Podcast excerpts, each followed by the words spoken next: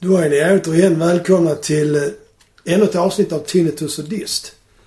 Med min kollega Palle Arvidsson. eh, och jag själv som heter Ulf Österlind. Fortfarande. Ja, det är faktiskt helt sjukt. Hela mitt liv har jag hetat så. Men du har väl haft artistnamn någon gång? Eh, nej, Nej. tror jag faktiskt inte. Nej. Nej. Ja, ja. Det är... Det var ingen som brydde sig om och, och ge mig ett artistnamn. Inte ens ett öknamn på skolgården. Jag var så obetydlig. Idag tänkte vi faktiskt prata om det som vi bedömer som starka debutalbum. På tal om obetydliga. Ja, precis. Eller bra debut, eller hur ska jag säga? Ja. Bästa. Där finns ju en del band som gjorde en rejäl rivstart med sina... Ja, det får man säga faktiskt. Och satte skåpet där det skulle stå. Precis. Och det första jag tänkte börja med då, det är ju Led Zeppelins första platta som också heter Led Zeppelin. Såklart. Ja, det är ju ett vanligt trick faktiskt. Att de heter sitt nam- bandnamn alltså. Ja. Eh, Men det var ju så att Jimmy Page, som då bildar Led Zeppelin, han är ju... Han spelar ju först bas och sen gitarr i Yardbirds. Och innan det hade han varit studioräv i London. Och spelat på jättemånga plattor. Som ja. gitarrist. Han var ju väldigt flitigt anlitad. Ja, han spelar bland annat på eh, With a little help from my friends med Joe Cocker. Jaså? Och det påstås att han spelar på en del The Who och en del med The Kings. Släppte, vad heter han, Townshend verkligen in en annan gitarrhjälte där? Ja, Han det var är ju inte lite hjälte. förvånande faktiskt. Jag håller med dig. Men snacket går så. Ja. så jag, vet- men jag vet, jag har för mig att jag har sett någonstans att eh, det där med Kings och You Really Got Me är inte riktigt sant. Det är en skröna. Jaha. För det är ju snacket har gått att eh, Jimmy Page spelar gitarr där Mm. Det också. är Dave Davis. Ja, det, så säger de själva i alla fall. Ja. Men sen vet man inte vad skivbolaget hittar på när de har gått hem, eller hur? det är det som nej, inte... nej. Det kan ju bytas ut liksom. Ja, I vilket fall som helst. Jag, Jimmy Page han tröttnade på studio. Meckandet efter att han hade varit på en eh, session där han spelade in Musak. Och när han insåg det så, nej nu får det vara nog liksom. Det är nog mycket prostitution i de leden. Ja, det tror jag också. Spela sånt man inte gillar. Ja, man behöver pengarna liksom. Ja. Och det är ett jobb. Ja, precis. Så han hoppar av det och så lyckas han komma med i Yardbirds. Han, han känner Jeff Beck. Jag tror de är barndomskompisar. Jeff Beck spelade gitarr i Yardbirds på den tiden. Och så slutar Yardbirds basist av någon anledning. Och så lyckas, eh, eller Jimmy Page, han mer eller mindre tjatar in sig för att spela bas. Som man gör. Ja, ja precis. Och eh, efter ett tag så slutar Jeff Beck och då tar Jimmy Page över gitarren. Och sen så, slu- så lägger ju Jarlbergs av. Om, eh, ja, jag vet faktiskt inte riktigt varför. Ja, det imploderar väl på något sätt. Ja, det var så. Ja, okej. Det är det vanliga. Tröttnar på Ja, varandra. och sen kanske det var så att deras stil var på väg ut. Det var, alltså på 60-talet varade ju inte banden mer än i högst två Nej. år nästan. Då och då. Det är väl 69 vi pratar nu någonting. Nej, ja, det är nog tidigare tror jag som Jarlbergs tacklar av. Kanske 67, 68. Så pass. Ja. Ja. Ja. Men av någon anledning så har Jimmy Page rätten till namnet Jarlberg. Så det vet jag fan hur det gick till. För han var ju inte ens med från början. Har de Mm. andra skri- skrivit över det på honom? Eller det är bara för att han är den enda som är kvar? Eller för att de kanske... De hette ju New Yardbirds. Ja, men det är ju för att han äger rätten till det första. Och har Så skrivit... Alltså redan då? är det- Ja, så då har han skrivit, då finns det kontrakt som säger att de har en turné i Skandinavien. Just det.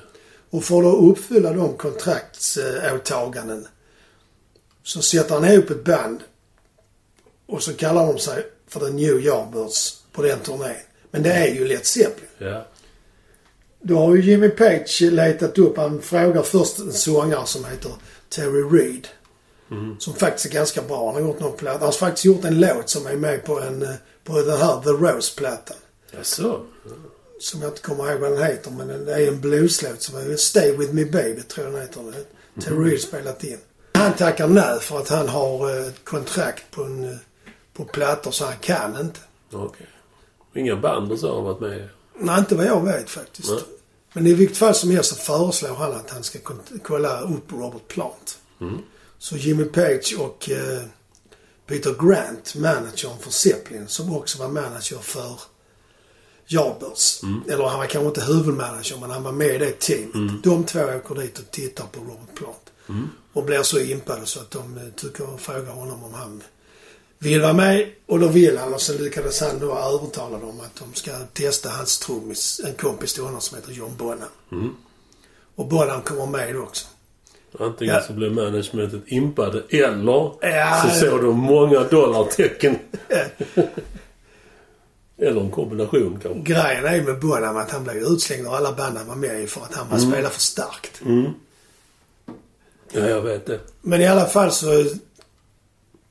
Han blev väl... Det kan inte vara så att han har kommit med från början. Han, de bestämmer att de ska göra en testspel. De ska repa liksom. Och då kommer John Paul Jones med också för han, Jimmy Page, känner honom Antagligen via, via studion.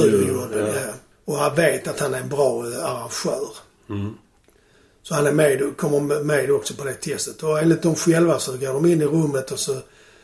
Ja, vad ska vi spela? Jag kan den Train Kept a Rolling för den brukar jag, jag bör spela. Nej, sa de. Ja, den går så här. E, bam, bam, badam, badam, bam, bam, bam. Och sen, ja okej, så spelar de. Så säger i alla fall John Paul Jones att det var ren magi.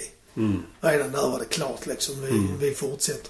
Fyra soulmates. Ja, det var nog lite så att det bara rent Mm. musikaliskt klickade.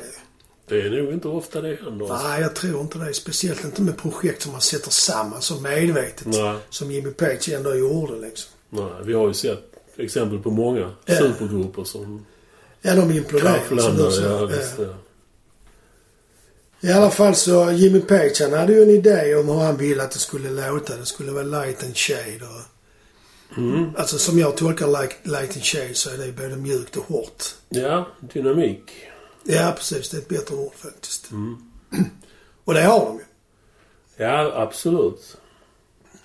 Ja, I alla fall, de åker på den här turnén då under namnet The New Yardbirds. De var i Köpenhamn. Ja, ja, d- de spelar in för TV faktiskt. Och den har jag på en DVD. Det är en Alright. konsert. Hela konserten. Ja, den finns på YouTube också. Men det kommer från den boxen som jag har faktiskt. Ja.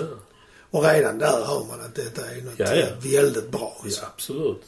De vet vad de håller på med rent eh, instrumentmässigt. Och, Det Ja, känns det är färdigt lite- där Mm. redan. Alltså. ja, det, är, det, är, det är färdigt men det kommer att utvecklas ännu mer liksom. Oh ja, oh ja.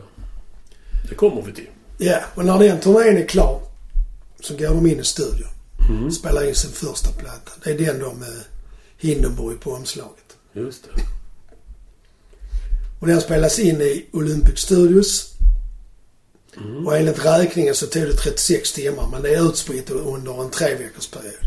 Så de var ju inte där hela tiden. Det Liksom. är mycket alltså. Nej. Det kostar 1782 pund i dåvarande valuta som idag ungefär är 30 000 pund.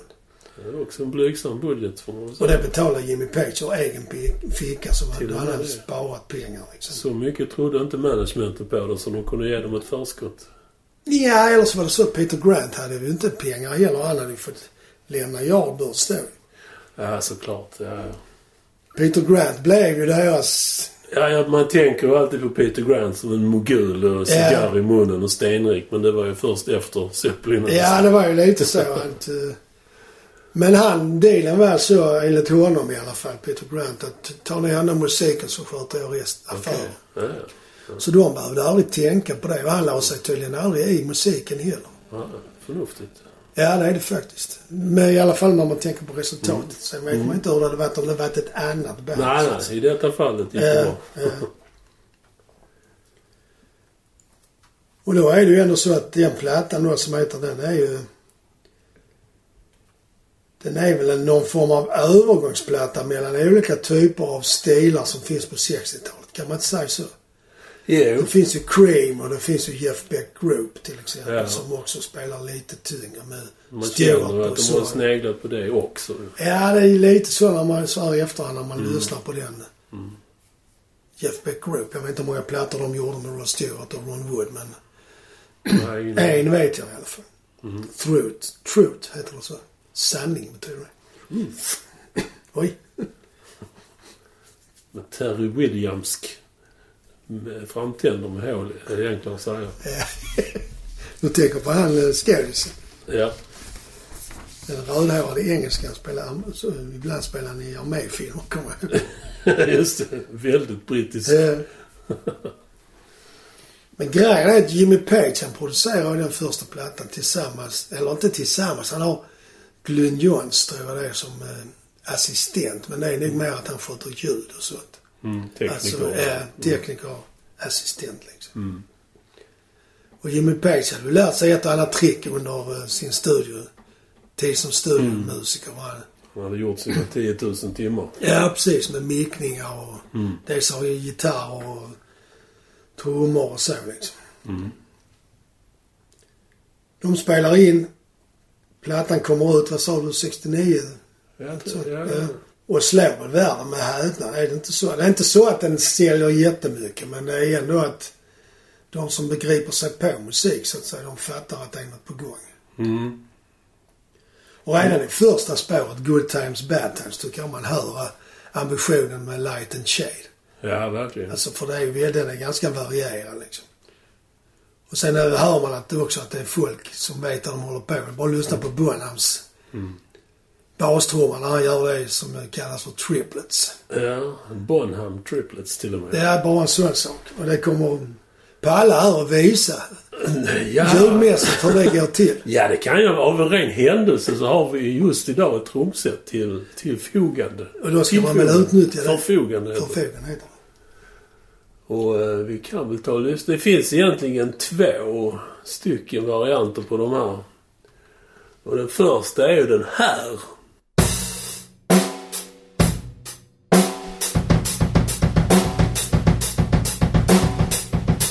Och den använde han mellan eh, hi-haten och bastrumman.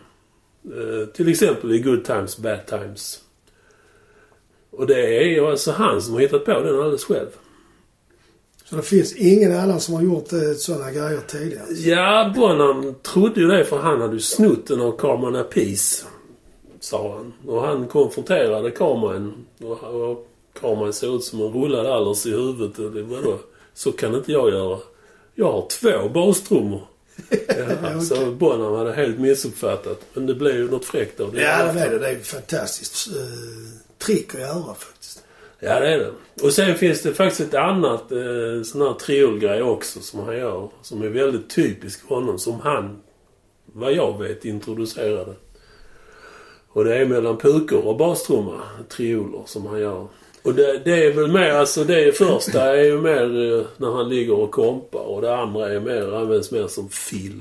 Det anv- har- använder han i hela karriären. I olika låtar. Ja, okej, okej. Ja, det coolaste med honom, med, om man nu ska gå in på Bonhams trumspel, det är ju dels eh, rock'n'roll tycker jag är fantastisk. Ja, den- och sen så gör han ja. någon, alla pratar om det, When the Levy Breaks, men när han gör en annan jävla fräck eh, intro, det är kanske inte så svårt, men på första eller andra låten på eh, Physical Graffiti så är det ett trumintro där som jag tycker är skitfräckt också faktiskt. Mm, det är väl någon slags eko på sig. Nej, det, det, det vet jag inte. Men han gör... Det är inget svårt, men det låter så jävla kul. Ja. alltså. ja, han är ju kungen av tyngd. ja verkligen. Och man får väl ändå säga att han förändrar trumspelet. Gjorde han inte det? Ja, det tycker Inom jag. rock. Dessförinnan, om man, om man liksom jämför med Yardbirds och alla de andra kamraterna. i Junior rock, Baker till exempel, Ja. som var stor också. Det är ju mer jazz. Och även om Bonham också hade jazzinfluenser så är det ju inte den här tyngden. Tyngden är det nog han som...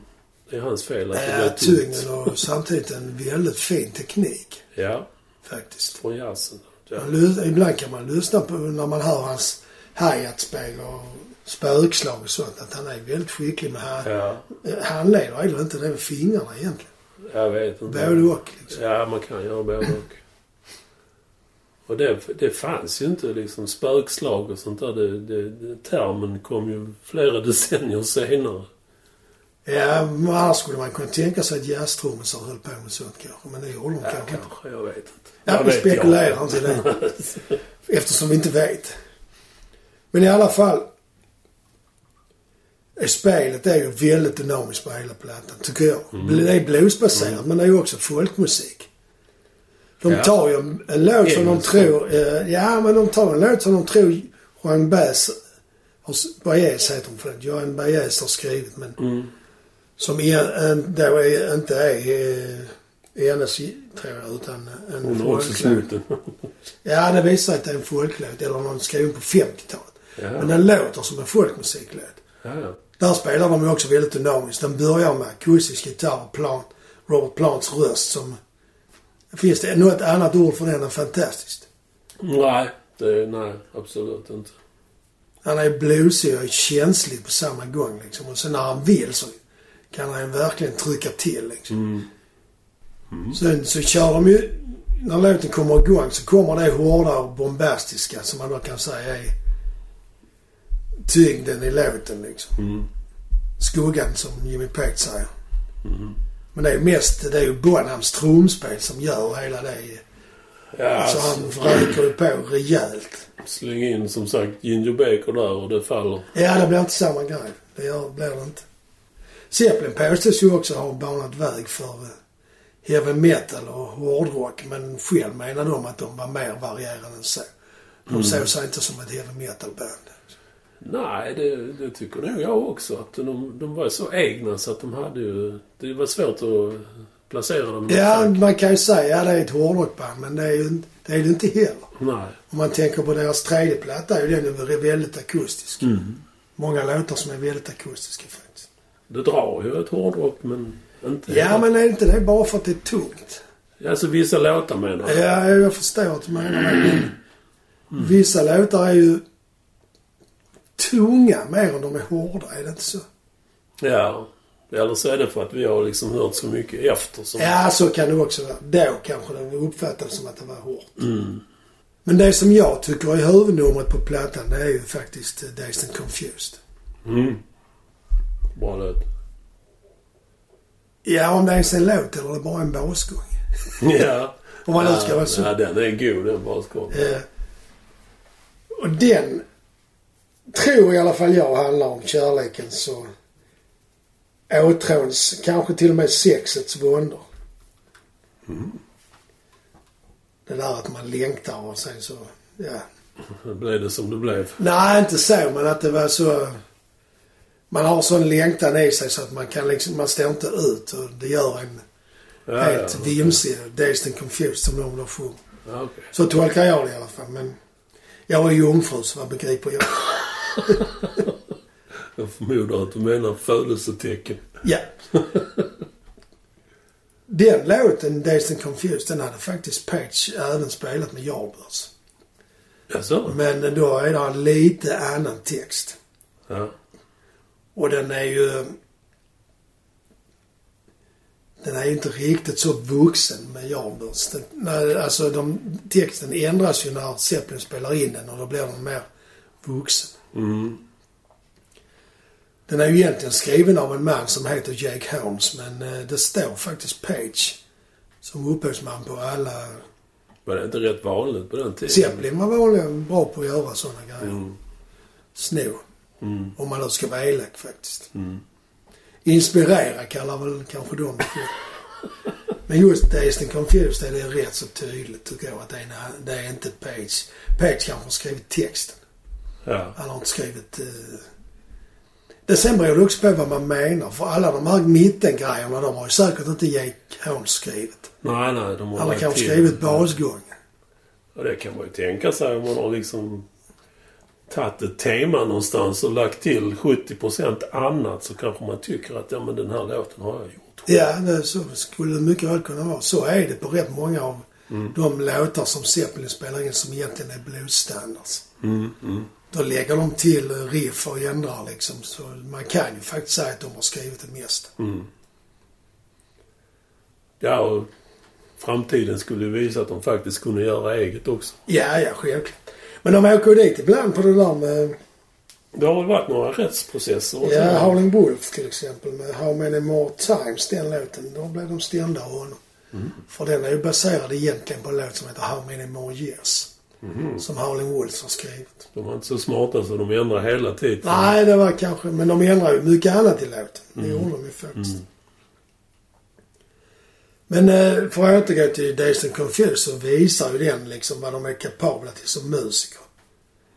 Och det blir ju en blandning av blues och rock och Ja. nästan lite psykedelia, som jag uppfattar psykedelia i alla fall. Men det kan ju vara min tolkning. Men ändå inte jobbig psykedelia som många Nej, andra. mer kul. Ja, absolut. Speciellt när Pete spelar på, med stråke på gitarren där. Det är ju... ja. Hade någon gjort det innan Nej, egentligen? Jag vet inte. Jag tror inte det. Nej, jag, har- jag har inte hört talas om det i alla fall. Nej. Men det låter som... Eh, han har själv sagt att han, in- har jag för mig, att han är inspirerad av ett verk som heter Hiroshima. Ja. Som nog är något sånt eh, avantgardistiskt eh, klassiskt verk. Liksom. Ja. Och det låter lite som, tänker jag på ibland, att när den stråken gnids mot den högt uppskruvade elgitarren så låter det som tusentals själ, själar som sjunger ut sin ångest liksom, på himlavalvet. Det var en djup tolkning. Ja, men det- det- jag håller med om att det låter, Det låter väldigt skräckinjagande. speciellt. Ja, inte det, men det låter väldigt speciellt Ja, och lite så ödsligt nästan. Kan man säga så? Ja, det är ju inget glatt i alla fall. Nej, ödsligt och lite sorgligt. Så. Ja, Och efter det partiet så kommer det ju ett... ett kommer eh, John och rännar. Ja, och ett riff som är rätt så coolt också som nog inte finns i originalet. Det blir liksom en explosion där. Ja. Sen, sen är det ju den då som jag sa, How many more times. Där spelar de ju någon form av... Det är ju nästan swing. ja. Det är Den det som är sist på basgången, plattan. Ja. ja, just det. Dum, du, du, dum, dum, dum, Just det. dum, du, du, du. Och så är Bonham swing-spelare. Det är så jävla fräckt så det Ja. är sant liksom. Men det är samma där. Det är en jävla kraft och sen helt plötsligt blir det närmast psykedelia igen. Ja. I slutet av Ja, den. ja, ja. Ja, det är en fantastisk platta. För att vara en debutplatta är den ju extremt bra alltså. Absolut. Det är verkligen, man känner ju, eh, som du sa innan när man ser det i Danmark, de är, de är mogna redan där. Ja, det är de. Och de har de kanske, kanske spelat ihop i tre månader Ja, max. det är helt ofattbart. Det visar vilken kapacitet de hade i bandet. Ja. Och kommersiellt så var det ju jätte, gick det jättebra. Kanske inte så bra i England, men i USA så... Den gavs ut den 17 januari 69 i USA. Och då åker de på turné. Och får bra respons. Så pass bra respons att plattan beställs i förhandsbeställt till 50 000 ex. Det måste ju vara jättemycket. Ja, för det att- är det. Även i USA. För Ja, det debutband. måste det vara faktiskt. Och två månader efter de hade släppt album så nådde den topp 10 på Billboard-listan. Två månader. Stannade där i 73 veckor. I England stannade den på listorna i 79 veckor. Jävlar. Och 1975 hade de spelat in 7 miljoner dollar. Detta på en inspelningskostnad på 30 000 pund. Det satt så gneds händer bakom skrivbordet. Ja, verkligen. Sen kan man ju tänka vad de har sålt i, i, idag. Ja. Alltså nu säljs det inte så mycket plattor längre, men fram till... Nej, men det... 90-talet i alla Ja, ja. fall. Det, och CD-skivor kom ju och Ja. gavs ut igen. Ja. Så att, eh, Ja, det är helt sjukt. Så, dels vilken försäljning, men det är ju för att den är så jävla bra. Det är det. Ja, men så är det ju. Helt klart. Men kri- ju- kritikerna var ju inte lika glada. Jag, har, jag ska citera här från Rolling Stones. Det är magsura Tidningen Rolling tidning. Stones, deras eh, originalrecension av plattan. Ja, Nu, är det- nu står det på engelska, men jag översätter fritt. ja, I deras vilja till att slösa bort sin eh, considerable, vad betyder, vad ska man översätta det? enorma. Nej, det är inte riktigt. Väl tilltagna kan man säga. Ja, okej.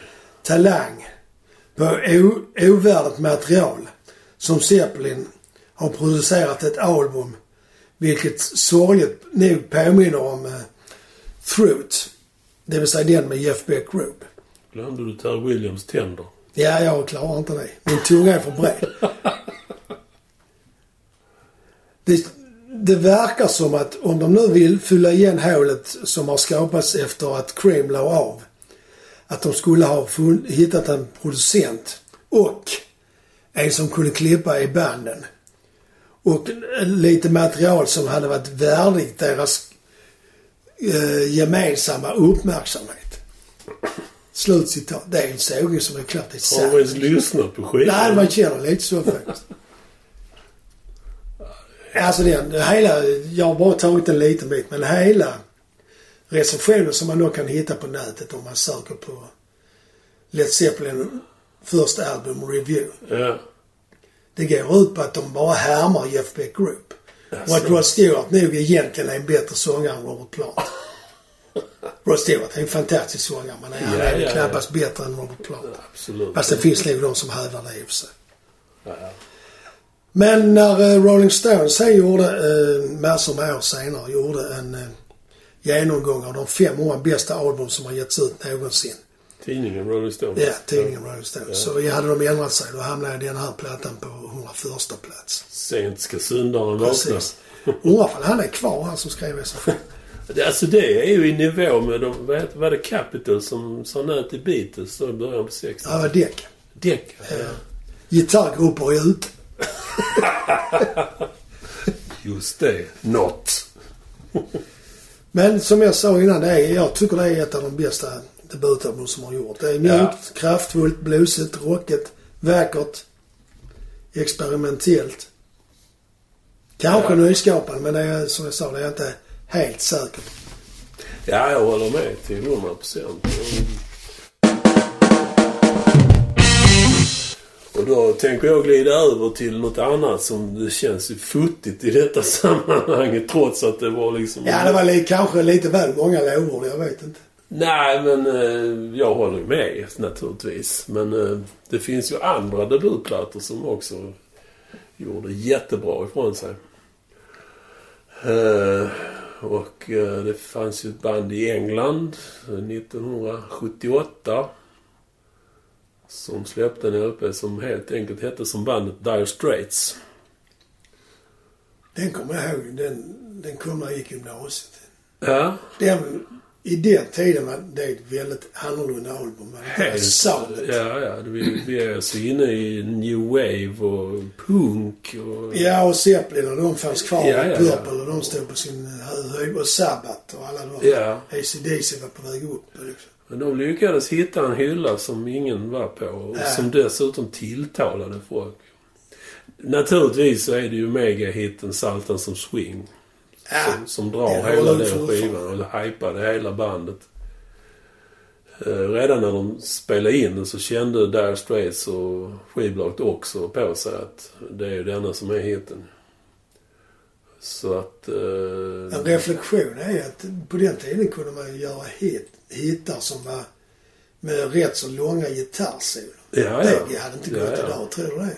Nej, det, det var ju en annan tid. Det var Ja, visst var det. Trumsolo och bassolo var ju inget konstigt heller. Nej, men det var Inte på mer skivor. live. Ja, Det var live, mer ja. live. Men jag menar, eh, Saltans of Swing är ju ganska mycket hans gitarrspel som är fullständigt Ja. fantastiskt. Ja, sången är väl... Ja, den är speciell, men den Det är, är ju lite inte... Dylan-inspirerad.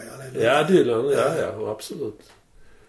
Men framförallt gitarren och hans fingerspel. och Ja. sånt, Det är ju helt otroligt. Outstanding och unikt. Ja, verkligen. Och han var ju rätt ensam då. Ja. om det. Men de skulle börja spela in den då, eh, ja, 78, våren, vintern, våren. Och så, ja, Saltans så Swing skulle ju släppas som singel och bli sommarhit, tänkte man. Men nej, så blev det ju inte. Utan det var senare, eh, framåt hösten 78, så släppte de LPn då. Eh, intresset svalt fortfarande. Eh, Den mjukstartade i Holland. De sålde guld där liksom, av någon anledning. 25 000 ex. Men eh, i övrigt så nej. Så det var inte förrän eh, LPn släpptes i USA på hösten som eh, Dire Straits kunde inleda sin makalösa karriär. Och naturligtvis var det återigen Saltans och Swing. Den spelades ju massor på radio.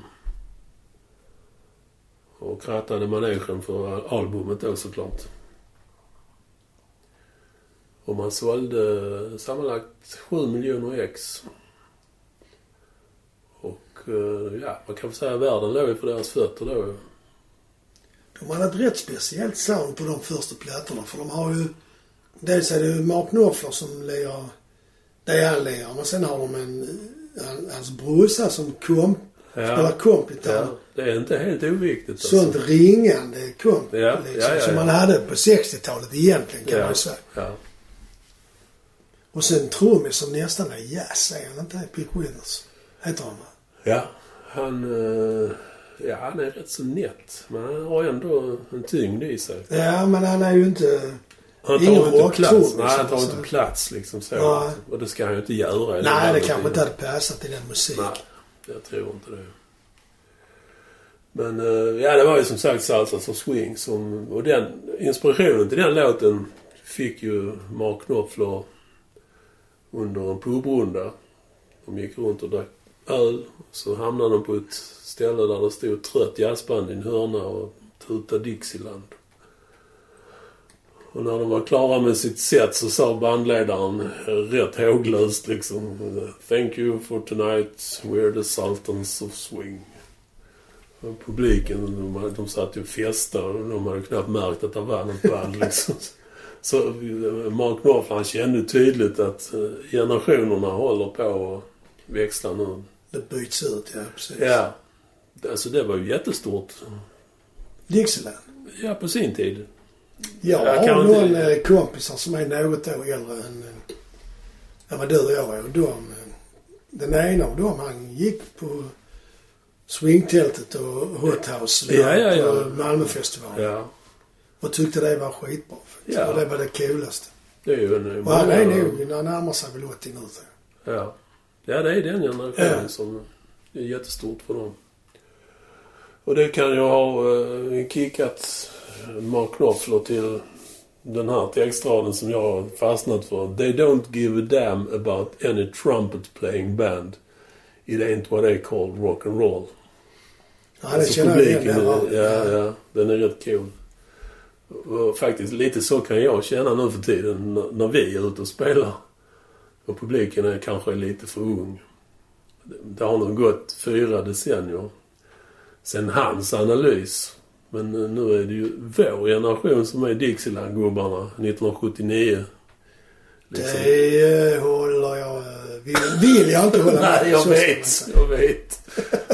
Men hade han skrivit låten idag så hade, ju livet, hade ju texten blivit They don't give a damn about any guitar playing band. It ain't what they call hip and hop. Nej, det är sant faktiskt.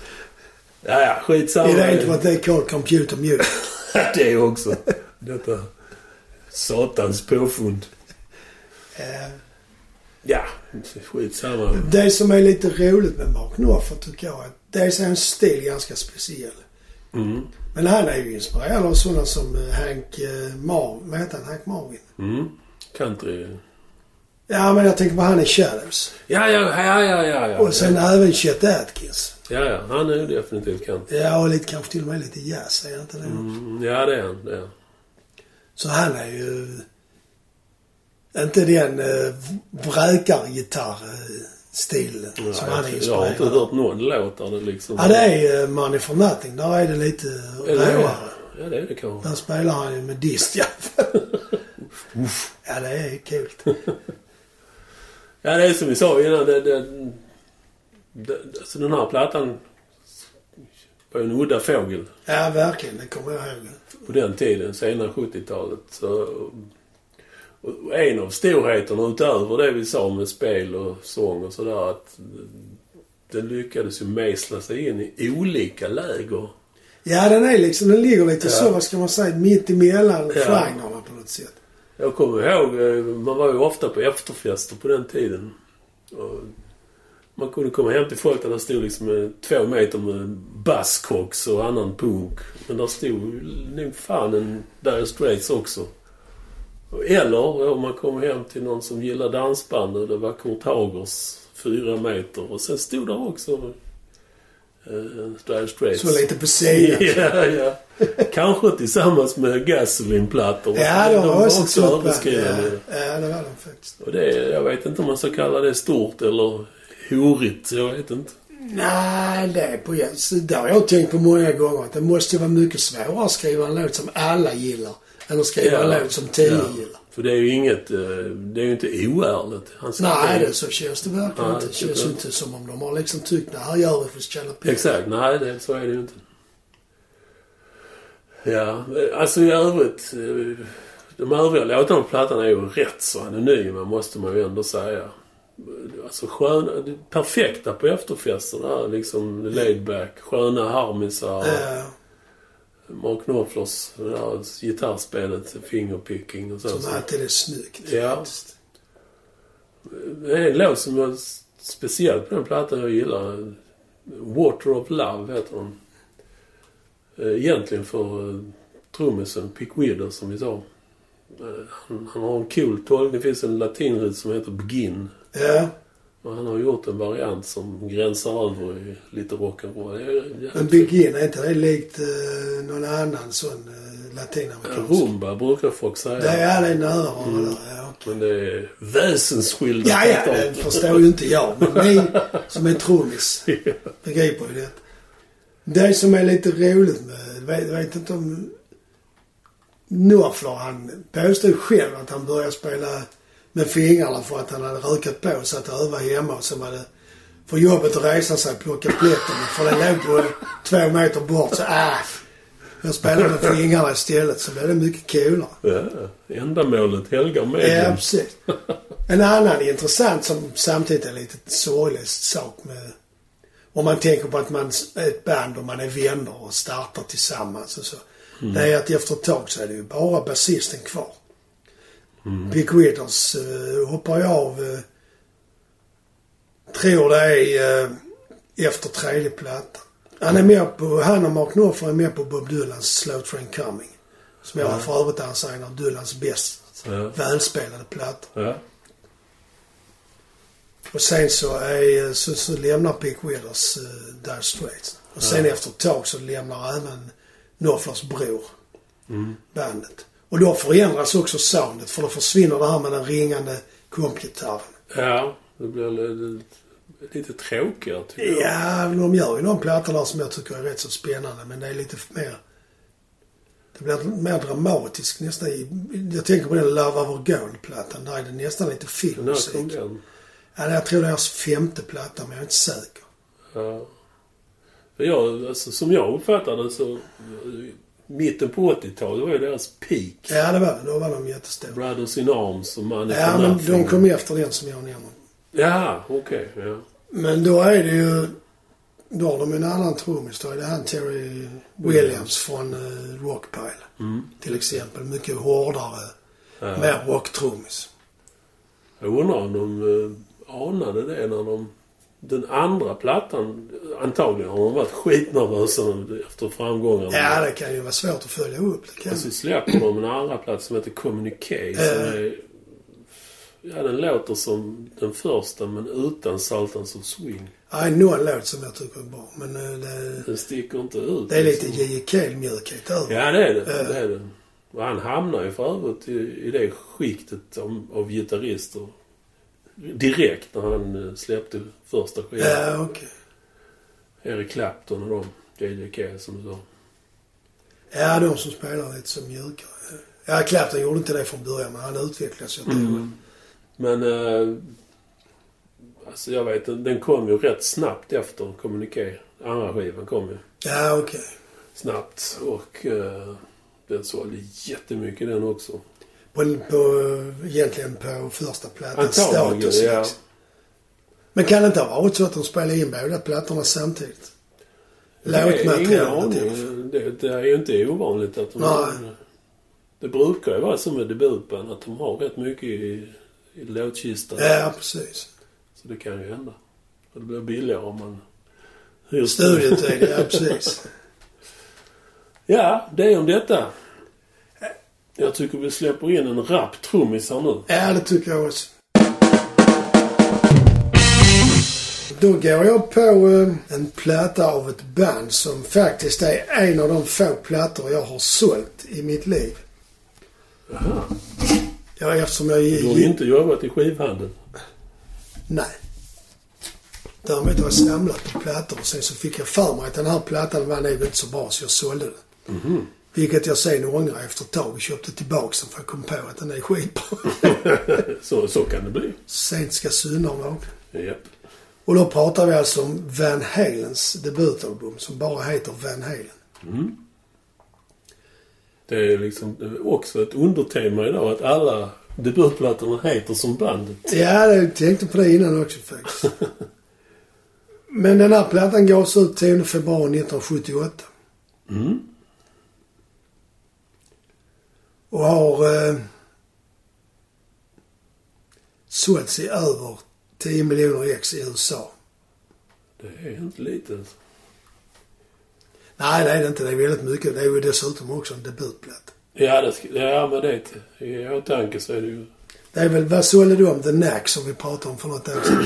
Eller något program sedan. Det kommer jag inte De ihåg. låg väl där omkring oss mellan 6 och 8, 10 miljoner. Och det var också en debutplatta. Men det blev inte mer än det. Nej. Men Van Halen gjorde ju mer sen. Men eh, den här plattan då. Van Halen är ju två bröder. Alex på trummor och Eddie på gitarr. Mm. Holländska rötter. Bodde i Holland, flyttade till USA. Började spela. Och då var det faktiskt så att Eddie spelade trummor och Alex spelade gitarr Ja, så. från början. Men eh, det var väl lite som han som du, han som tappade håret när han var tvungen att spela gitarr. så gick över till trummorna. Var det Rondinelli? Var det? Rondinelli. Bob- Bobby Bob- Rondinelli, ja, ja. Så de bytte helt enkelt. Så Alex spelade trummor och Eddie spelade gitarr istället. Mm. Och de har band ihop ganska länge i sina unga år innan de liksom hittar eh, den sättning som sen blir den som blir känd. De har en annan basist som heter Mark Stone som väljer mellan att läsa vidare för han har rätt så goda betyg i skolan. Han har fått ett stipendiat som han, han vågar helt enkelt inte tacka nej. Nej, det är ju förståeligt. Så han hoppar av och sen hittar de då eh, Michael Anthony som är från Chicago men har flyttat till Pasadena där mm. Van Halen-bröderna också håller till. Mm. I början är det faktiskt Eddie som sjunger Yes. och spelar Det gitarr. var bara tre alltså. Ja. Jaha. Men eh, av någon anledning så blir han övertygad om att de ska ta in en annan sångare för att eh, då ska, kan han koncentrera sig på att spela gitarr istället. Och då plockar man in en showman Ja. av rang. Och det ser ut som en duktig sångare. Ja, men han är ju inte lysande, tycker inte jag. Eh, Nej. Han är alltså. fullt eh, okej. Ja, ja, ja. Det är han, men han, framförallt är han ju en jävel på att ta publik. Han är ju liksom en sån larger than life personlighet. ja, det kan man säga. Och när han gör han springer runt där i spandexbrallor och struttar sig som en påfågel liksom. Ja. Och visar skinkorna. Han har såna, jag vet inte vad det heter liksom, men såna byxor där ändan är bar liksom. Springer han En runt sån med... pers- rid... Alltså, Eller Ja. vil- vilda västern. Ja. Roadie. Chaps. Ja, det heter det kanske. Så du går runt på såna hemmakaffe. Ja, när jag inte har läderkalsonger så... Nej, men det tycker jag skaver lite. Alltså, det är så. Det är därför jag inte har det idag. Nu när vi ändå är inne på det ämnet. Alltså, G-sträng. Ska man ha den fram eller bak? Det har jag aldrig fattat. Det beror på hur gay man är. Ja, det är det som avgör. Ja, okej. Annars får jag ta trosor istället. Ja. Som vanligt. Ändra inte på ett vinnande. Ja, precis. Men David Lee Roth, han, eh, som sagt, han tar ju... Han tar hand om publikkontakten. Ja. Med rang. Och Eddie koncentrerar sig på att spela gitarr. Vilket han ju då gör i världsklass. Alltså redan på... Innan de blev kända så har han ett rykte i, i det område där han bor och där de spelar så lokalt att han är en överjävlig gitarrist. Ja, det kan jag förstå. För det, är- alltså, vad man själv tyckte och vad man har läst och hört så, så är han lika eh, gränsbrytande som Jimi Hendrix. Ja, ja, det, är- ja, det tycker jag nog faktiskt. Och grejen är att han själv i någon intervju har sagt att ja, jag kunde liksom inte spela som de, de jag ville spela som så jag fick hitta på något eget. jo tack. Det gick ju bra. ja, det får man verkligen säga. Första plattan spelade började de spela in eh, 76, i, alltså med demo. Mm. Som pre-production som det så flott heter. Bland annat Gene Simmons var med och stöttade där och Ja. och hjälpte dem och- med pengar, betala studiokostnader och sånt. Mm. Och sen tog han demon till sitt management. Vi säger återigen en sån här att frågan är om de som håller på med musik verkligen själv begriper vad de liksom... Nej! Vi ser ingen kommersiell potential i detta. Så, Det är jättebra. nej tack. ja, okej. Ja. Och då blev ju bandet såklart besvikna. Men eh, de hade ju ändå den fördelen att de utökade ju hela tiden sitt lokala territorium så att de kom längre och längre bort från sin bas och fick mer och mer publik för sina live, live-gig liksom. Det gamla hederliga sättet. Ja.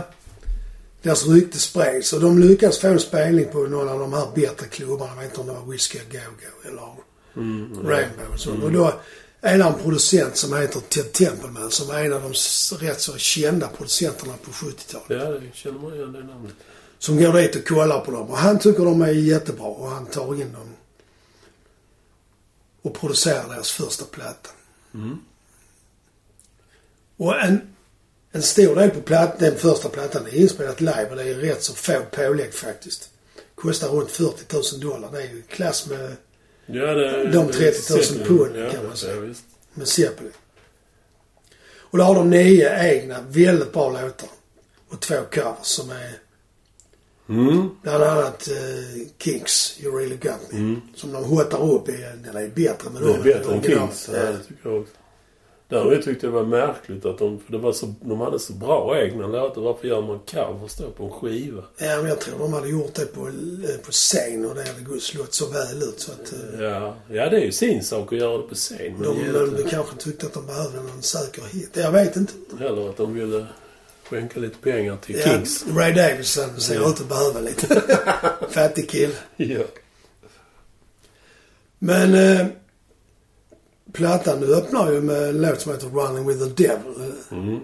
som jag, ett spår som jag tycker de visar liksom redan där att det här, det här är vi. så här, det här, Mm. Absolut. vi står, för- eller vi är så här bra liksom. En tung basintro med en trummis som, verkligen- som vet vad han håller på med. Även om jag inte uppfattar honom som en, vi- det är ju inte Bonham-klass liksom. Men han är Nej. ju bra. Och vi pratar ju ändå om en trummis som i i och för sig senare, men han hade åtta bastrummor. Ja, och 16 hängpukor. Världsklass som de sa i Glenn Killing. Och sen då en hyfsad sångare som jag ser det, men du tyckte han var lysande. Så. en gitarrist i världsklass. Ja, absolut. Men musiken är ändå ganska enkel. Eller hur? Ja, om man analyserar den så är den ju det. Hans gitarrspel är ju fantastiskt men det är ju... Hans solo är ju komplicerad, låter det som i alla fall. Ja. Men komp och så är ju inte... Alltså det är ju inte så så att... Det är nästan lika bar... bar vad heter det? Barskrapat, det är fel ord, men sparsmakat som mm. ACDC. Ja. Alltså det är bas, trummor, Mm. gitarr, sång och man hör allt väldigt tydligt. Jordnära, ja absolut. Det är liksom ingen brötighet och ingen, eh, inga problem med separation. Liksom. Och det är ju därför som, som vi pratade om innan, det här magiska med Led Zeppelin. Att de får till det med samma sättning. Att det blir liksom 97% mer magi än vad, vad de har fått till här. Tycker jag. Ja, ja, det är möjligt. Då förstår jag inte vad du menar, men... eh, Nej, jag menar att eh, Zeppelin är ju bra mycket större. Rent kreativt. Ja, ja, ja. Ja, det, kan, det så är det ju såklart. Men jag tycker ändå detta är, det är liksom tidlös musik. Ja, ja. Och de körar bra också. Ja, det gör Det det. är väldigt coola körer, speciellt på You Really Got Me. är ju jättebra. Även på eh, ett par andra spår också. Ja, ja. Det är klockrent. Men det som knäckte mig, det var ju det andra spåret. När eh, han spelar det fantastiska gitarrsolot Eddie Van Halen som man det går knappt... Alltså när jag hörde det första gången, jag fattade inte hur han gjorde. Nu har jag sett på bild, så nu har jag sett hur han gör, men alltså... Ja, när man inte vet vad han gör. Det visste man ju inte på den tiden. Nej. Nej. Det fanns ingenting att titta på. Och det är som du sa, det är liksom... Om Henrik så var det en som på 60-talet skapade en... Tog in gitarren i framtiden, så menar jag att Eddie Van Halen gjorde på 70-talet. Ja, helt klart. Alltså Jimmy Page och Blackmore och sådana, de är ju fantastiska. Men de är ju inte nyskapande på det Nej, sättet. det är mer på, ja, som jag sa, mystiskt och magiskt sätt. Ja, Med enkla former. ja. Men Enklare. Eddie Van Halen. Han spelar med båda händerna på greppbrädan och det kallas för tapping. Jaha. Och grejen med den, den låten, Eruption som den heter, det är att den skulle inte varit med från början. För Eddie Van Halen, han körde den live. För det som en show och för det som att hetsa- för att hetsa publiken. Ja. Och så när de skulle spela in någon låt på plattan så han gjorde han den som uppvärmning och det hörde till Tempelman. Som menar, vad, vad är detta liksom? Ja, det är bara något som jag gör när jag ska... nej, nej, den ska vara min. Och tur är ju det. Fantastiskt. För det är ju som sagt helt extremt jävla bra. Dessutom är det ju så att han spelar ju på eh, Jackson. Beat It heter den det. Det är det Van Halen som spelar Är det gitarr. det? Dessutom gör han det gratis bara för han... eh, Ja, Jag gillar Jackson. Nej, jag vet inte. Han vill inte ta betalt. Jag vet inte. Det där med enkelheten. Jag tycker inte plattan är sådär... Det innehåller inte mycket excesser mer än hans gitarrspel. Men... Det är ju inte långa gitarrsolo i varje låt, men det är ju ändå det är ju bra och lite, vad ska man säga, exklus- explosivt och tekniskt skickligt. Och lekfullt också på ett sätt. Ja, och det är ju inte det gamla vanliga riktigt. Nej, det är det inte. Eruption går då över i den här eh, You Really Got Me, för, som vi sa innan. Mm. Den slog den, jo, det var väl den som gjorde att de eh, fick en hit kan jag minst, tror jag i alla fall. Mm. Ja, det, det blev det väl. Men där är andra låtar. I'm talking about love är ju också en låt som visar hur bra eh, Eddie Van Halen är. Speciellt på det här med att spela komp och solo utan att det märks att han liksom byter Växlar, ja, Eh, ja, nej, det är sant. Det är fantastiskt bra. Det finns en rolig, ett roligt klipp på YouTube från, jag vet inte när, men det var någon återförening de gjorde. Det är inte så gammalt. Nej, de gjorde ju någon nu med David Lee Roth innan Eddie Van Ja, han Halen. var med. Det var Ja. han jag skulle komma... Honom. Jag skulle Honom komma förresten. Och... Eh, ja, bandet börjar lira och så kommer då en övertänd David Lee Roth ut. Och vi, han har ju precis som Freddie Mercury ett sånt halvt mikrofonstativ. Och vevar runt och hoppar och har sig. Och så drar han sig över näsan med det här Stativ. stativet. Och det är liksom... Det går ju liksom inte att mörka för det pissar blod från näsan.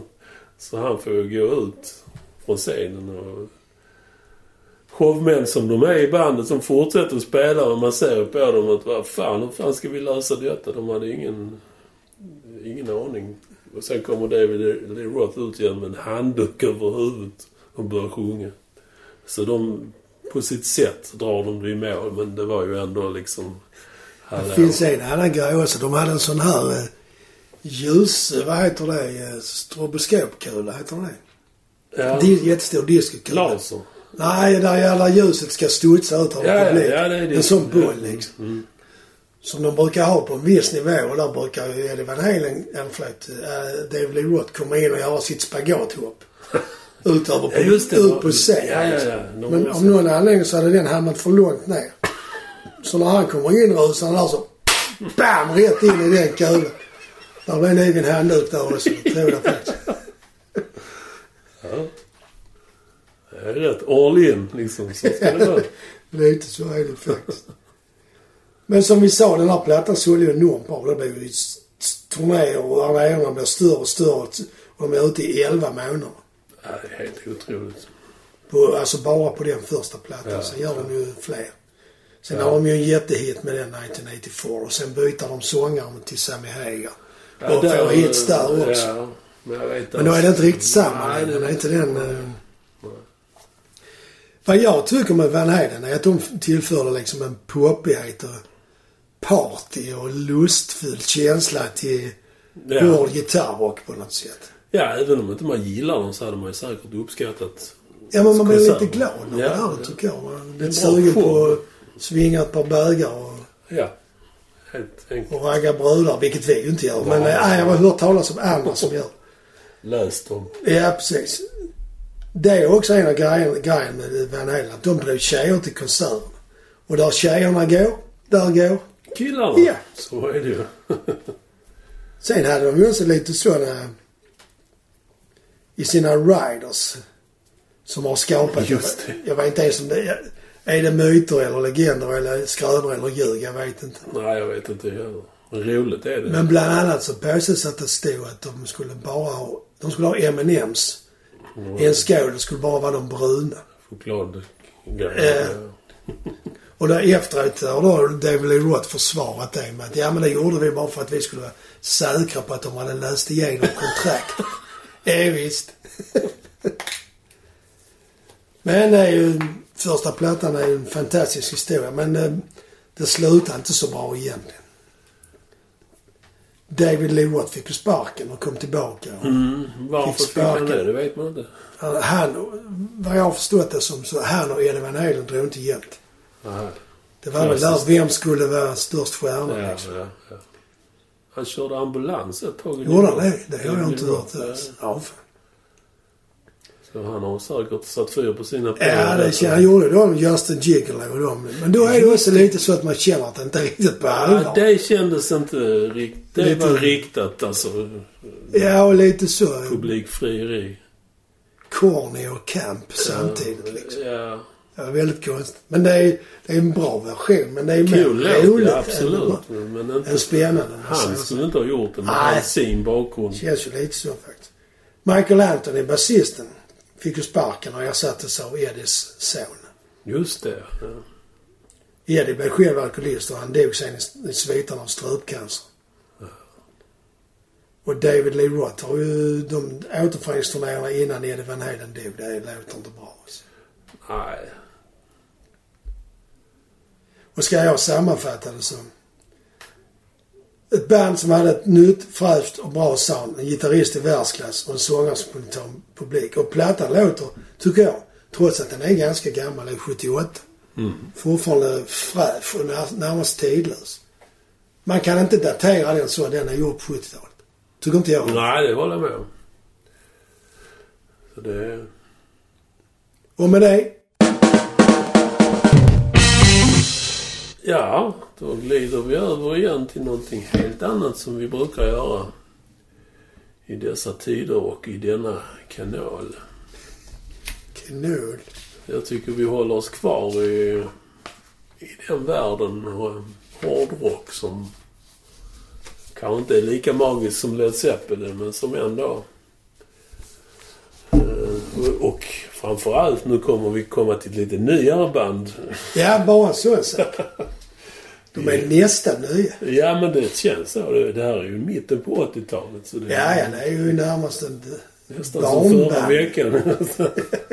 och på den tiden eh, så var det ju Bush-Reagan som eh, administrationen som rådde i USA. Kyska tider, Moral Majority. moral majority, vägvisare som petade i allt som inte ansågs vara moraliskt korrekt. Var det George Bush, eh, och Reagans fru, som sa när det, om man skulle hantera narkotikan? Just say no. Ja, just det. Just. Känns ju inte alls naivt. Här löser vi problem på löpande band. Ja, visst. Och inte, inte minst i, i vår lilla värld, rockmusiken. Där fick man ju mycket stryk. Man kommer ihåg, man har sett bilder om den här enorma bål när de eldade upp skivor som ansågs vara... Det gjorde man ju redan med Beatles. Ja, till och med det. Men det var väl då när han, de skulle skramla med diamanterna. Nej, det var när John Lennon på en fråga sa att jag, just nu så tror jag att vi är större än Jesus. Just det, ja så var det. Det Ja, blev ett jävla liv om det. de är ganska religiösa I USA, ja. ja. Mm. det är det. Och i bästa fall så om man skulle sälja skivor så kunde man passera om man satte ett klistermärke på omslaget att eh, här finns ogudaktigt innehåll. Ja, men jag tror det Eller var att- så att Moral Majority drev, drev igenom det helt enkelt. Ja, det kan jag tänka mig. De fick inte lov. Man skulle sätta det på plattor Ja. som hade, eh, som du sa, ett språk som Ja, inte var barn, ja. barnvänligt eller barntillåtet. Och det hör ju ihop som eh, ler och långhalm med rock'n'roll. Det är ju... Ja, det är ju bara snälla texter om ingenting i stort sett. Sprit, droger och sex, det har ju, inte, Nej. har ju aldrig förekommit. Nej, nej.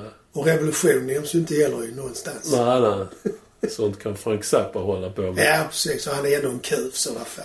Han var ju en av de som, på tal om Frank Zappa, han var ju en av de som stod främst på barrikaderna och häcklade de här. Han var dessutom en av de som ofta förekom i eh, debatt. Det också, ja. Han var ju rätt så smart. Av kille. någon konstig anledning. Han gjorde väl inget obskyrt? Nej, nej, nej. nej. ja, men dessutom var han ju ganska bra på att eh, verbalt.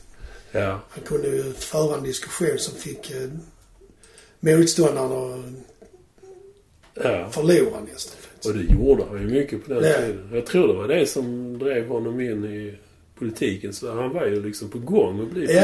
jag har för mig också. Han ville, eller han var intresserad av det i alla fall. Ja. Nu har vi pratat länge om ingenting egentligen. Eller någonting som vi inte skulle prata om. Nej, men det har ju att göra med Guns N' Roses Ja, eh, det musik. leder ju fram till Ja. 87. När moralmajoriteten tycktes ha pikat och var på reträtt.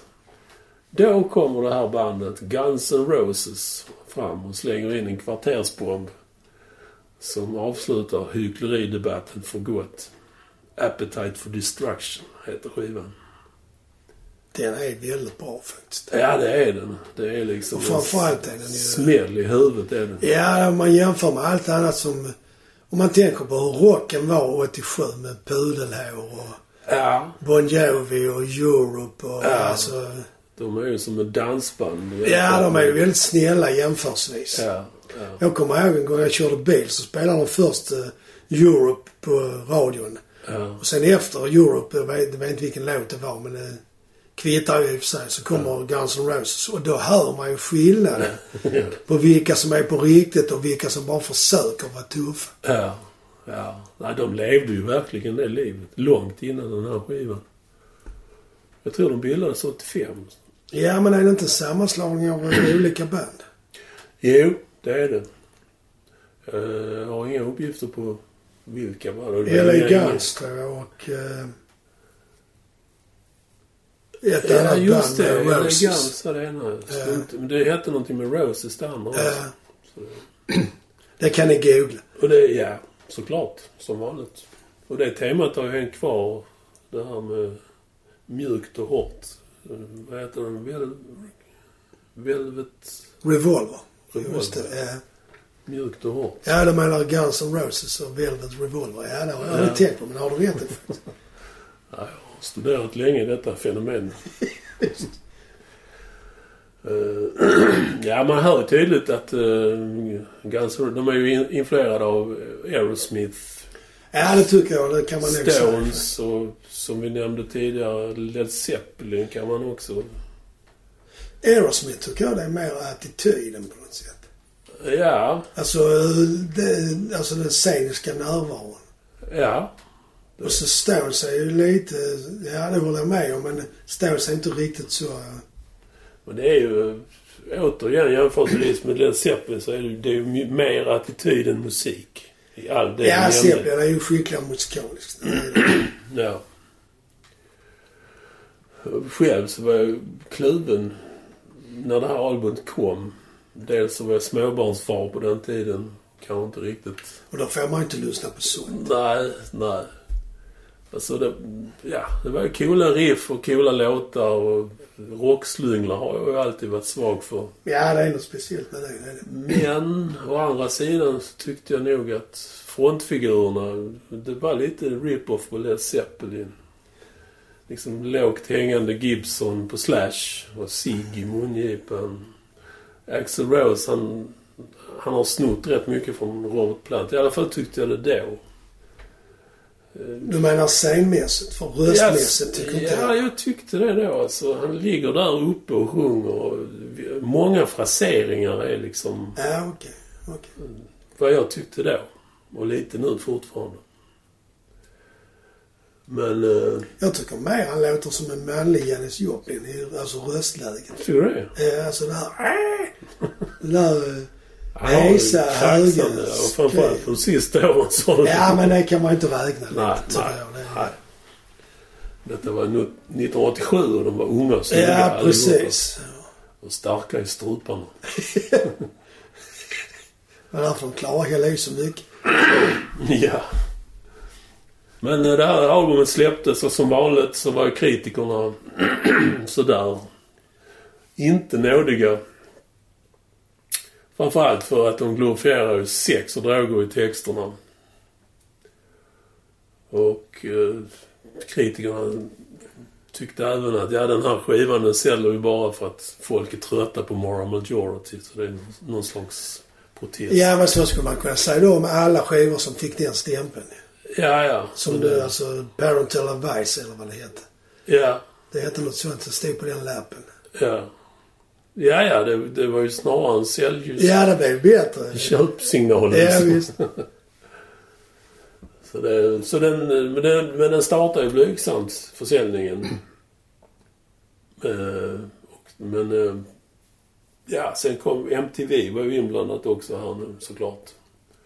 Ja, det var ju deras eh, guldålder. var det inte? Ja, de hade ju något som hette Headbangers Ball. Ja, just det, ja. Sent på kvällarna. Ja. Det var bara hårdrock. Och där eh, började man visa Welcome to the Jungle och Paradise City. Från den skivan. Eh, Lite då och då liksom. S- Inte sådär. Men folk hörde av sig till MTV och ville höra det här. Och till sist så gick det nästan dygnet runt. Och därmed så, så eh, sprakade ju försäljningen igång. Ja. Big time. Vi, alltså vi snackar 28 miljoner över Ett hela världen. Debutalbum. Ja, Det är väldigt bra. det är mycket, mycket Ja, det är bra. I USA är det det mest framgångsrika debutalbumet. De sålde 18 miljoner bara i USA. Det är en väldigt stor siffra faktiskt. Något har de gjort rätt. Ja, hur många bor det i USA? 350? Jag tror det är något Så sånt. det är, alltså, vad blir det? Om, ja, om man räknar lite grovt så är det 5 av USAs befolkning. Ja, i alla fall en i vartannat hus. Eh. Eller någonting. Ni som kan räkna. Ja, det, kan, ja, det beror på hur många som bor i husen. Men... Ja, det är ju enormt mycket.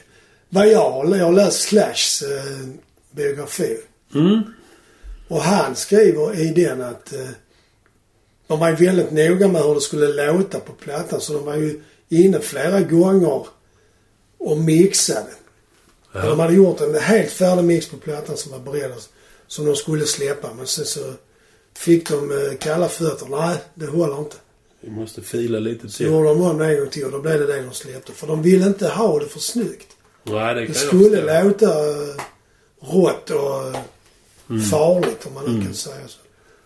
Precis som deras liv var på den tiden. De levde ju verkligen så. Ja, De- visst läser man Slashs eh, biografi så fattar man att han var egentligen mer intresserad av heroin än vad han... Efter ett Ja, ja. tag i alla fall, han var intresserad av musik. Mm, jo, Det ja. var viktigt. Men eh, ja, vad ska man sammanfatta En stabil samling låtar, får man väl säga. Och bandet fick ju en skottsäker grund att stå på i hela sin Ja, karriär. det fick de. Men även de gjorde ju en del eh, medlemsbyte. Trummisen Ja. slutar, eller får Han sparken. fick sparken. Tittade ju för långt ner i den vita pulvret. Ja, så han var för glad i det. Och heroin. Och sen var det väl också så att eh, en av låtskrivarna hoppade av. Gi- Inte sologitarristen, men den andra gitarristen. Här kom gitarristen eh, som hade en ganska framträdande roll trots att han var... Ja, han skrev eh, mycket ma- om materialet. har jag Och förstått. även gitarren. Ja, okej, okej. De, de passar väldigt bra ihop de två. Slash. Ja. Vad fan heter han? Jag kommer Ja, inte jag kommer faktiskt inte ihåg det. Det är ju dåligt av oss, men ni får googla det. Ja. Men eh, om man nu ska säga Slash är ju en rätt så eh, sologlad gitarrist, eller hur? ja, det är det. Han Det- spelar ju mycket, faktiskt. Mm. Men det funkar ändå i det bandet på något sätt. Ja. Och Trummisen har väl också en lite speciell stil, har jag förstått. ja, lite småjazzig. Konstigt nog, får man väl säga. Det är ändå lite märkligt att man Ja. kan säga det om ett sånt hårt Ja. rockband. Att det var en småjazzig Det är trummis. vissa låtar man hör. Han, han, är, han är rätt mjuk alltså. Han är absolut inte framträdande och tar Nej, ingen okej. plats. och- Det kanske inte man gör om man är totalt nere på droger. Ja, men det är väl frågan om man var det från början. Tror du det? Nej, det tror jag inte. Slash skrev i sin bok att eh, han hade en väldigt udda stil men på något sätt så funkade det tillsammans med basisten då som är han, därför Mm. med Kagan. Det är jag. Som nu för övrigt eh, har läst till revisor, eller i alla fall ekonomi, Mm. och hjälper andra rockmusiker med deras pengar. Verkligen sådant då. Ja, det får man nog säga faktiskt. Han drack ju en gallon om dagen. Gjorde han så mycket? Två och en halv Helt liter. sjukt alltså. Ja. Det är ju inte möjligt, tänker jag. Men tydligen så är det det. Nej, men vissa har ju kroppar som klarar det mest. Säg på Keith Richards. Och Jag har sett intervjuer från den tiden när han är... Alltså han sluddrar, men han är ändå koncis och pratar liksom okej. Ja, okej. Han ramlar inte omkull. Nej, nej, det, det är sp- inga urspårningar och sådär. Men, eh, ja. Men det är en bra platta, det tycker jag också. För det är samma för mig som för dig, att jag upptäckte den faktiskt ganska sent. Ja, ja, jag upptäckte den ju då, men som sagt, jag s- gick ju inte igång direkt. Men efter, genom åren så har den ju vuxit, måste jag säga. Ja, det tycker jag. Och, eh, Axel Rose, som vi inte har nämnt så mycket om, men han är ju rätt så omskriven. Ja, det är Och inte alltid så positivt.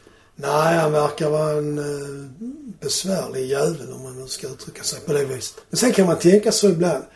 Kan det vara så att det är de som är besvärliga som får något gjort? Eller är det bara det att eh, Ja, de ja. hamnar i begåvade sällskap och så är de så jävla tjatiga så de här orkar inte med dem? Ja, det kan det vara. Kan man det också kanske? Och att, framförallt att man sticker ut. Det är, ju- I den branschen är det viktigt. Ja, publikmässigt. Men jag tänker mer när man ska jobba i gruppen och skapa låtar och, Ja, och hur soundet ska vara. Hela det paketet liksom. Mm. Ja, det har ju nog inte varit gnisselfritt. Men om man säger så, för nu tänkte jag att vi eh, sammanfattar den här eh, Mm. podden. Eh, vilket av banden skulle du säga är... Ja, jag tycker ju nog att det framgår med all önskvärd tydlighet Ja, ja. att nummer ett är nummer ett. Ja, jag håller med dig. Men jag, även där måste jag erkänna att jag fattade dem väldigt sent. Inte förrän på Physical Graffiti faktiskt. Nej, Men jag var ju inte så gammal när de slog igenom, Nej, det så var får du man inte. säga också. inte jag heller, så man var ju inte riktigt där. Och sen så gick jag ju, som jag har nämnt i tidigare poddar, i andra spår Ja. på 70-talet. Så att eh, det kom senare, så hela Zeppelin, för mig. Innan man fattar den grejen liksom hur, hur välkomponerat och välarrangerat Ja. och antagligen väl genomtänkt också för att kunna spela. De har ju vissa låtar där de spelar i eh, tolftedelar och trummisen spelar i fjärdedelar eller något Mm. sånt.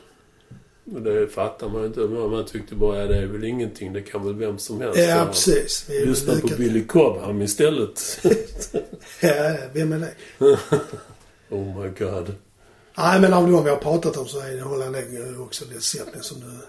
Mm. Dels är den bästa debutplattan kanske, men även... Nummer två då. Annars skulle jag nog faktiskt hålla Van Halen. Mm. För min del. Ja, jag är, det, som jag sa innan, slunglar är bäst. Jag håller nog Guns N' Roses framför. Men sen kommer de som god trea. Eh, Men sen är det inte många kvar. Tyvärr. sen är det bara där och Dire slut. Straits kommer ohjälpligt sist idag. Tyvärr folks. Ja. Men det är en bra platta där också, så Jajamän. lyssna på den De med. ligger på topp fyra hos oss. Ja, bara en sån sak. Ja, on that high note we end this program. Yes, thank you and good night music lovers. Ja, tack ska ni ha. Hej. Hej då.